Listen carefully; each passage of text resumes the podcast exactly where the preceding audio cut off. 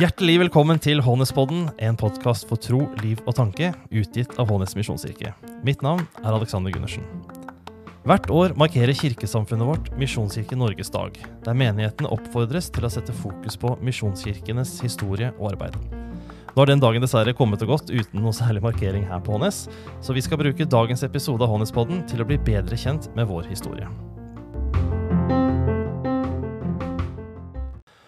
For å hjelpe oss med dette så har vi fått med oss den beste gjesten vi kunne fått på akkurat dette temaet, og det er rektor på Ansgarskolen, Ingunn Folkestad Breistein. Hjertelig velkommen. Tusen takk skal du ha. Og Ingunn, du er i tillegg til å være rektor på Ansgarskolen, som da består av Ansgar høgskole og Ansgar bibelskole, så er du også professor i kirkehistorie. Og med liksom hovedvekt på, på frikirkelig kirkehistorie, ja. som er der liksom Misjonskirken Norge eh, hører hjemme. Og, og, før vi kom inn på Misjonskirken Norge, så lurte jeg på eh, altså, det er ikke alle som er interessert for kirkehistorie. Det er helt altså, utrolig. Nei, kan, du, kan, du, si noe om hva, liksom, hva er det som vekka din interesse for kirkehistorie? Ja, det var jo eh, Altså, nå har jeg akkurat alltid likt historie, da. Eh, mm. fordi at jeg tenker gjennom historien skal man forstå bedre sin egen samtid, hvis man vet litt om eh, fortiden mm. også.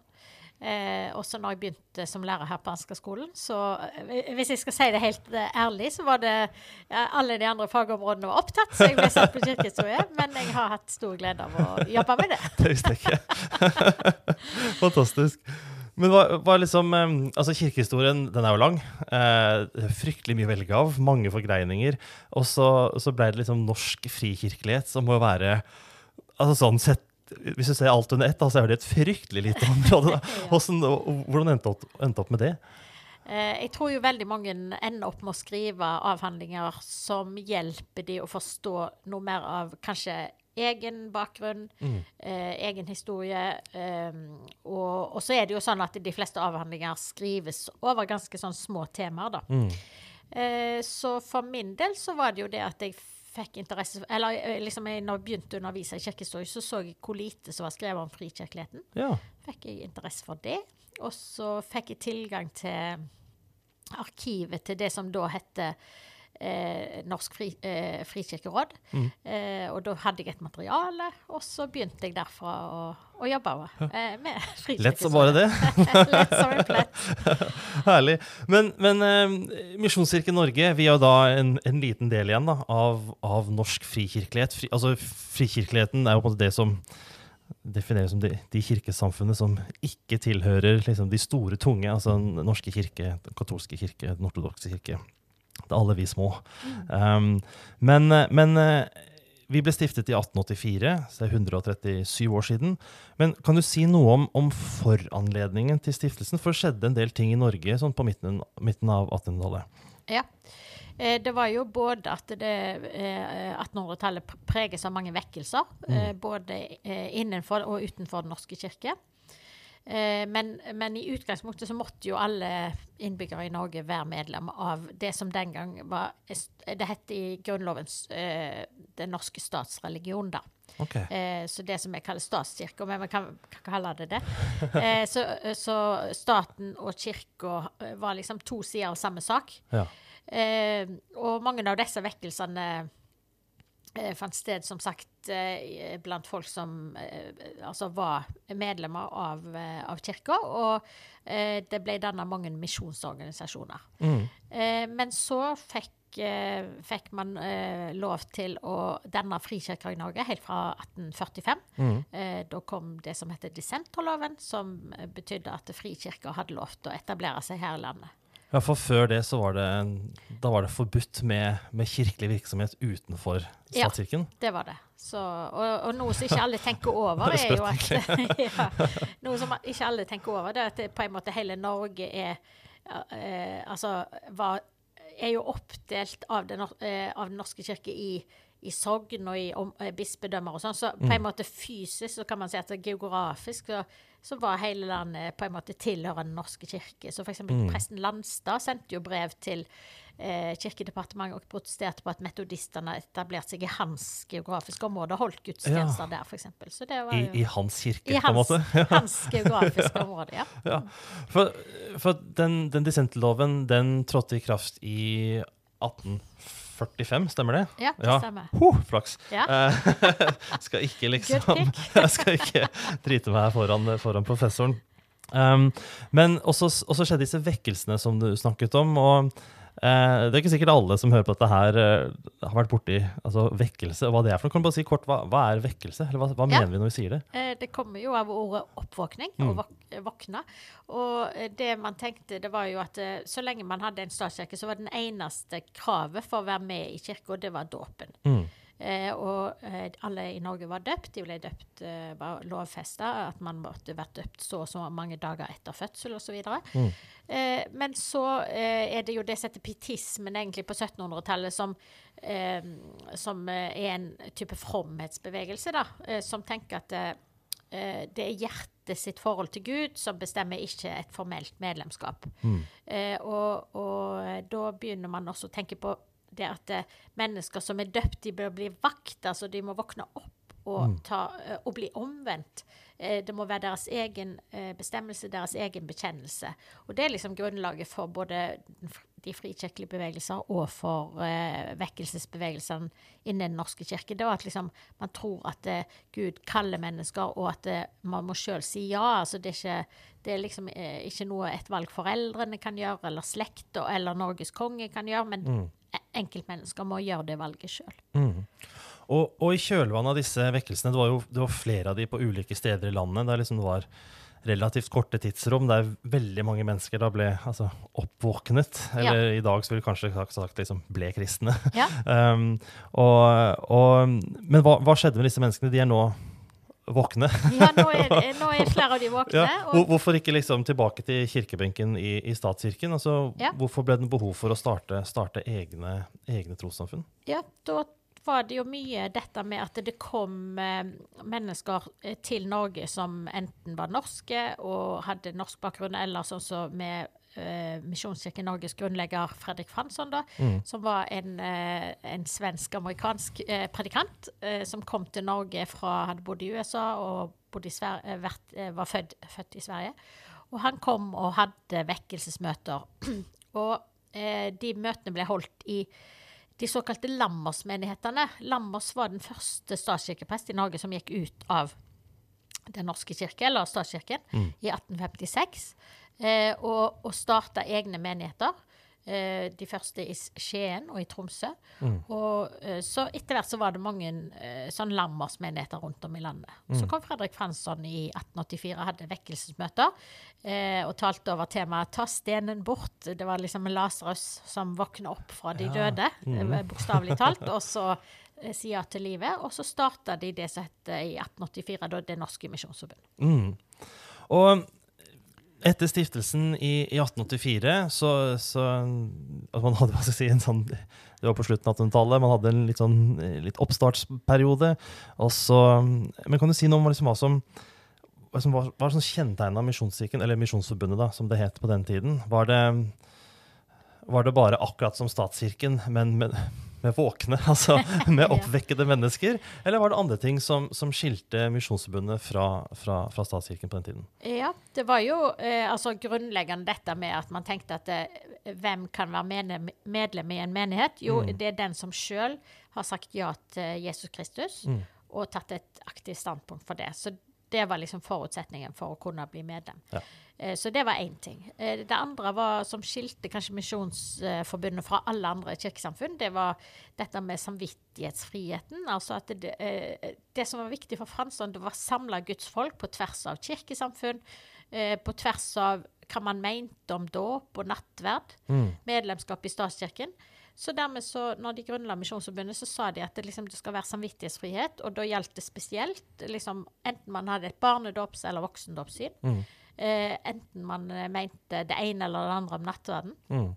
og enten var man, om man var medlem i statskirken eller ikke. Mm. For, På denne tida så hadde man jo ikke det var ikke sånn som i dag, at det trossamfunnet fikk eh, støtte fra staten, men det var, eh, man kunne få fratrekk i den såkalte presteskatten ved å melde seg ut av statskirken. Okay, ja. Eh, men det er nå en litt annen historie.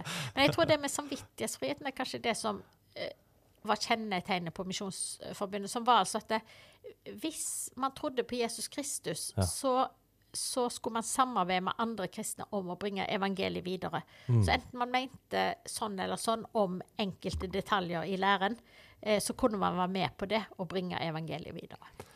Og, og Fredrik Fransson, som, som, du snakker om, han, det er han som har kommet opp med det som er mottoet vårt, eller slagordet til, til Misjonskirken Norge i dag.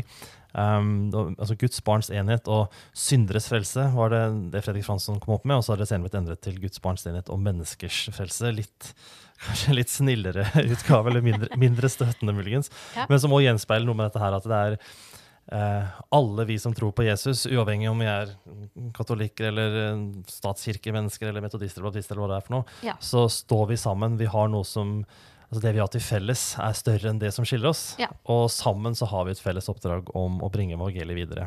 For på den tiden så var det jo altså Dåp var jo et stridstema. Altså, det var, eh, det, I en del sammenhenger så er det fremdeles det i dag, dessverre. Eh, nattverden var også det, og spesielt dette med medlemskap som var det var ikke bare bare å melde seg ut av Norsk kirke. Og vi, i dag så har vi fremdeles en avlegger etter det. altså Misjonskirken Norge vi har såkalt dobbelt medlemskap, der Ja. Du kan være medlem i et annet trossamfunn enn Misjonskirken Norge, og fremdeles være medlem av din lokale menighet. Som eh, sikkert er veldig fint, og som skaper litt eh, utfordringer for oss som er pastorer, og litt mer, litt mer arbeid. Um, men, men det var flere ting som kjennetegnet oss. altså um, eh, Kvinner i tjeneste. Det, må du si noe om. For Fredrik Fansson han var tidlig på banen og sa at vi har ikke råd til at halvparten av, av alle kristne skal liksom sitte hjemme eller sitte på kirkebenken. Alle, alle må være med. Ja. Ja, og det tenker jeg er en, eh, en del av nettopp denne tanken om at eh, hva er viktigst for alle kristne? Mm. Jo, det er å gi evangeliet videre. Og da tenkte Fredrik Fransson at det kan jo alle gjøre som har mottatt Kristus sjøl. Og det kunne også kvinner gjøre. Og allerede i 1882 så starta han opp eh, eh, evangelistopplæring, som riktignok bare va- varte to uker. For han hadde veldig sånn tanke om at Jesus kom snart igjen. Ja, og dårlig tid. Ja, veldig dårlig tid. Eh, og da sendte han disse kvinnene og mennene ut som eh, evangelister i Norge, og eh, evangelister eh, og misjonærer til særlig Kina, da. Ja. Eh, og, og da var han eh, nokså radikal i sin samtid, for han sa jo at eh, han mente det måtte være djevelen som hadde overbevist kristenheten om at eh, halvparten av men menighetens medlemmer ikke var gode nok til å forsyne evangeliet, eh, og, og dermed hindre evangeliets fremme. Eh, han ga ut ei bok som het 'Eders, eh, Eders skulle eh, Eders døtre skulle profetere'. Og han ga eh, fortjenesten til denne boka eh, til et sånn hjem for kvinnelige forkynnere som var i Larvik, og, og der de kunne være f.eks. i sin alderdom osv. Herlig. Ja. det er kjempebra. Og, og, og til dere som pleier å lytte til Johannespodden, så, så skal vi ha en episode til som, som kommer før jul, om nettopp eh, kvinner i tjeneste. For det er en debatt som har blussa litt opp her i Norge de siste, siste par årene, med Michael Brun bl.a. Som har vært mye i media. Men vi skal ta det, skal ta det senere. Um, du, du nevnte så vidt eh, altså, heter jo, Det heter jo Misjonsforbundet, nå heter det Misjonskirken. Um, og at vi også sendte ut ikke bare evangelister i Norge, men også som misjonærer i utlandet, spesielt eh, i Kina. Kan du fortelle litt om liksom, misjonsengasjementet da, til, til eh, Misjonsforbundet? Ja, eh, Misjonsforbundet var jo en del da, av dette store misjonsengasjementet som var på slutten av eh, altså siste halvdel av 1800-tallet og begynnelsen av 1900-tallet. Og det var jo Det var ikke, det var ikke bare oss. Det var ikke bare oss. Og, og blant annet så hadde jo Fredrik Fransson stort samarbeid med Hudson Taylor starta Kina Innlandsmisjon, som var eh, som var eh, den organisasjonen som sendte flest eh, misjonærer til Kina. Da. Så Kina var et stort misjonsland, men også Afrika. Så Misjonsforbundet den gangen da starta eh, misjon i Sør-Afrika, i Kongo, og hadde etter hvert da i Kina og eh, i, eh, i liksom fra 70 1970-tallet, lenge etterpå fra, i Colombia. Mm. Eh, I dag er jo det en helt annen situasjon der vi snakker om i misjonen så snakker vi om liksom ikke misjon fra Vesten til resten, men at eh, det er misjon til og fra hele verden. Og at eh, i Asia og Afrika så er det mange kirker som sender misjonærer til det sekulære Europa, f.eks. Så det er jo en ny måte å tenke på for oss. Eh, og i dag så har jo ikke Misjonskirken Norge så mange misjonærer i utlandet. Vi har noen volontører, vi har jo noen som er på litt sånn kortere opphold. Eh, men, eh, men der er nok tanken at det, det, det er ikke det at ikke vi skal bidra, men at det, løsningen ikke nødvendigvis lenger er å sende ut eh, norske og vestlige misjonærer til andre land, Riktig. men at det er, eh, det er intern eh, evangelisering blant mennesker som kan språket, kan kulturen osv. Så, videre. så det blir jo en slags sånn menighetsplanting. Eh, Mm. F.eks. i Colombia, akkurat som vi drev menighetsplanting i Norge. Mm. Og at vi tenker at det, hvem er best i stand til det? Jo, de som kjenner kulturen og, og kan kommunisere med folk. Og, og det leder meg litt til det neste spørsmålet, som er ehm, Dette var jo da Misjonsforbundet for, for 100 år siden, og, og vel så det. um, som er sterkt preget av liksom, misjon, forstått da som norske misjonærer som reiste til utlandet uh, for å fortelle om Jesus. Det var liksom sterkt preget av vekkelser. Den liksom foreningsengasjementet. altså vi var liksom, Her er vi foreninger her i Norge som, som samles i bønn, og som samler sammen penger, og som sender misjonærer ut til, Ja. til verden der hvor de ikke hørte om Jesus ennå. Men, men Misjonskirken i dag eh, ser jo litt annerledes ut, og du var inne på det at man tenker litt annerledes nå om misjon. Det er i- større grad arbeid gjennom lokale aktører. Eh, det er også et ganske stort sånn, eh, tilsnitt av bistand knyttet til, til, til misjonstenkningen nå. Um, men, eh, men, men kan du si noe om liksom, utviklingen? Altså I 2016 så endret vi navn fra Misjonsforbundet til Misjonskirken Norge. Der ønsket var nok å, å altså Jeg var på den generalforsamling, så jeg bare prøve å huske hva, hva de sa. Men, men ønsket var nok at eh, navnet vårt i større grad skulle gjenspeile at vi er et kirkesamfunn. Ikke først og fremst en misjonsorganisasjon eller en misjonsbevegelse. da. Men kan du si noe om den utviklingen som har vært, som har gjort at liksom fra ja, misjonsorganisasjon til kirkesamfunn? Eh, vi starta jo som en vekkelsesbevegelse, Mm. og så veldig lenge så lå jo det veldig nært i vår DNA at eh, vi vokser gjennom vekkelse. Mm. Og det har jo også vært f.eks. eh, Det var jo en, en stor vekkelse på 1930-tallet, f.eks. ved Frank Mangs. Mm.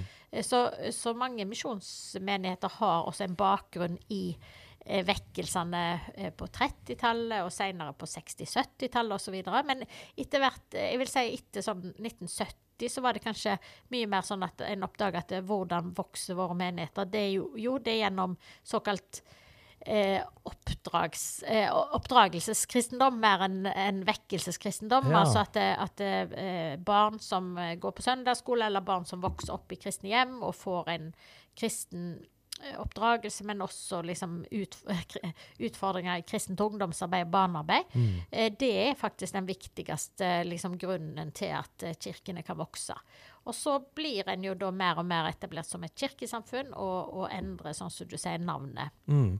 At, også tilsvarende. Ja, så at, liksom, at det gikk fra å forstå si, at det, det å bli kristen, da, at, at synet på det endret seg for å være mer sånn den si, øyeblikkelige. liksom. Ja. Den dagen og det minuttet ble jeg kristen, da vendte Ja. jeg meg om. Da ble jeg vekket Ja. til, til en, en på en måte mer sånn det blir veldig teknisk, da, men sånn prosessforståelse. Altså, altså, tror jeg dette er noe som vokser fram over tid. Dette er noe som, som man bruker lang tid på å bli, både liksom i si, forberedelse og i undervisning og, og i livet ellers. da. Ja. Ja.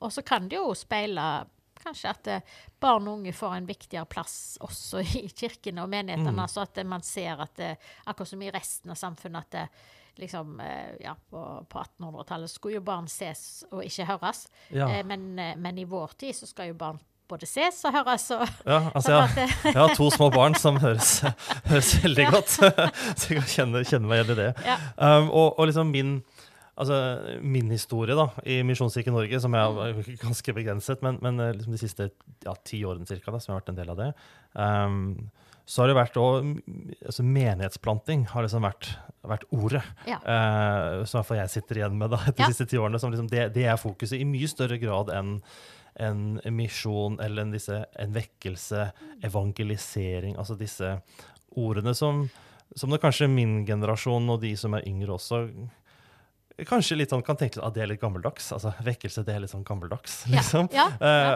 og, og, og, men nå er, liksom, nå er det kirkeplanting og menighetsvekst som liksom er det, er det store. Ja, og det Altså, jeg tenker jo at kirke og menighet eh, speiler egentlig samfunnet rundt. Mm. Eh, og det som har skjedd eh, særlig ja, fra 1960-tallet og fram til i dag, er jo det vi kaller en sekularisering av, av det norske samfunnet og det vestlige samfunnet. Og da ser jeg nok behovet også for dette med oppdragelseskristne og mye mer. fordi at før så hadde jo folk en kunnskap om den kristne tro gjennom skolen og gjennom eh, at man hadde husandakter hjemme osv. Mm. Eh, til i dag hvor mange har ikke en kristen bakgrunn. Mm. Og så tenker man hvordan kan vi best nå mennesker? Jo, det er gjennom å plante menighetene i lokalsamfunn. Mm. Eh, og der, det har jo også med liksom, den geografiske måten å organisere Norge på. For før var jo frikirkemenighetene ofte i sentrum av byer. Ja. Eh, mens nå ligger de ofte i bydeler. Og f.eks. her i Kristiansand, hvor Misjonskirken Norge nå har tolv menigheter, tror jeg, eller noe sånt. 11-12. En hel haug. Eh, en hel haug.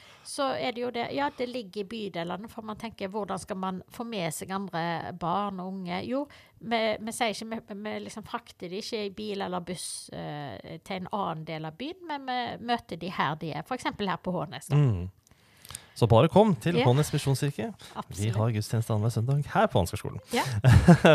Men eh, hvor ville du liksom eh, Altså, da jeg ble med i Misjonskirken Norge for, for litt over ti år siden, så var jeg ganske sånn Altså, jeg, jeg, kjente ikke til liksom, det norske kirkelandskap. Altså, norske kirke visste jeg, for de er jo veldig synlige. Da. Det er jo kirker overalt.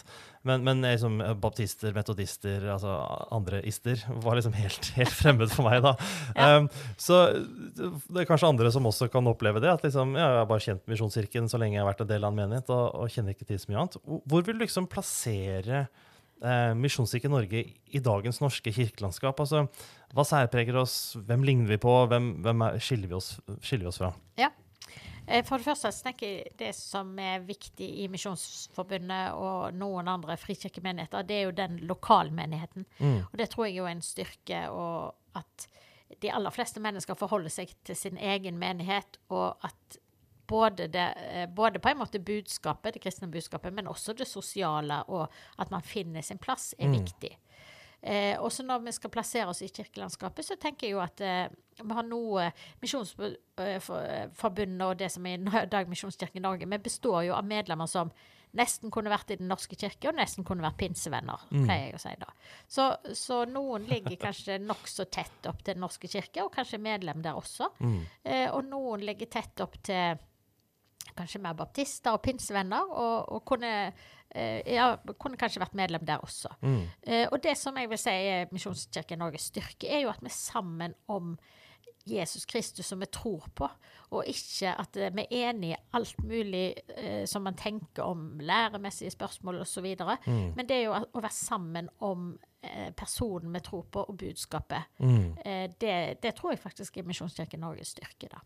Mm, det, det, tror jeg også. Jeg, jo, jeg studerte her på Ansgarskolen, studerte teologi og, eller på Ansgar høgskole, og hadde spesielt én foreleser som, som liksom nesten uansett hvilket uh, teologisk tema man snakket om, så var det, liksom, det var en grøft på den ene siden, og så var det en grøft på den andre siden, og så hadde liksom Misjonskirken Norge som den gylne middelvei, hvor, som liksom var den gode vei. da, liksom. Her, her, her, her, har vi lov til litt av hvert. Og liksom, sant? Da har vi fokus på det riktige, og så tåler vi at vi er litt uenige. Og, og det er også opplevd sånn eh, når jeg etter hvert har begynt å jobbe også i Misjonskirken Norge at, eh, som pastor, at, at, det er som, som, du sier, jeg tror, og det er en stor styrke vi har, at vi, vi har rom for ikke bare liksom diskusjon og samtale, men, men at vi òg har rom for, for, uenighet. Nettopp fordi vi er enige om det aller viktigste, nemlig, nemlig troen på Jesus Kristus. Mm. Du, tusen takk. Eh, vi skal runde av her, Ingunn, men tusen takk for at du har vært med. Ja. Veldig flott. altså. Kunne gjerne, jeg kunne gjerne prata lenge om dette.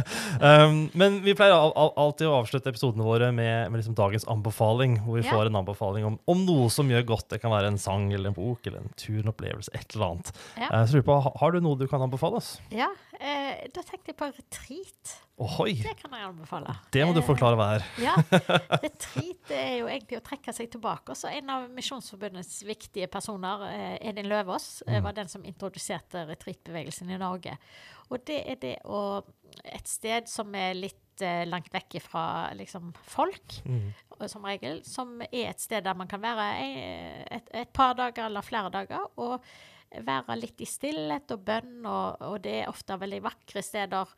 Ikke sånn prangende, men liksom det er en symbolikk i det. Og, og det er av og til et tema, det er av og til stille. Mm. Og det høres kanskje rart ut for noen, men for de som Eh, det, eh, altså For meg så det å være på retreat, som jeg ikke har vært så veldig ofte, men eh, det gir egentlig en ja, altså det å være på ferie ei uke eller være tre dager på retreat, da vil jeg si at det å være på retreat er, er noe som gir et veldig stort overskudd. Kjempebra. Er noen, eh, kan du liksom gi et eksempel på et sted? Altså, hvor drar man på retreat? Ja. Liksom? Eh, altså Kanskje det nærmeste her i Kristiansand da, er jo det som heter Prestegården eh, retreatsted på Vigeland, Ja. som er bare en time herfra. Men så er det jo vakre Lia gård oppi som eh, er liksom hvor man må nærmere Gardermoen, oppover Mm. der. Eh, Det, det er på østlandsområdet. Lia gård eh, Nei, nå sa jeg Lia gård en gang til. Men altså, det fins flere retreatsteder, så det kan man eh, liksom slå opp og se. Jeg kan anbefale Liagård. Det har jeg vært sjøl Ja. en gang. Utrolig. altså Både vakkert og ja, det er sånn sjelefred på en helt annen måte. Ja. Tusen takk, Ingen, for at eh, du var med. Hjertelig takk. Og eh, så snakkes vi. Ha det bra.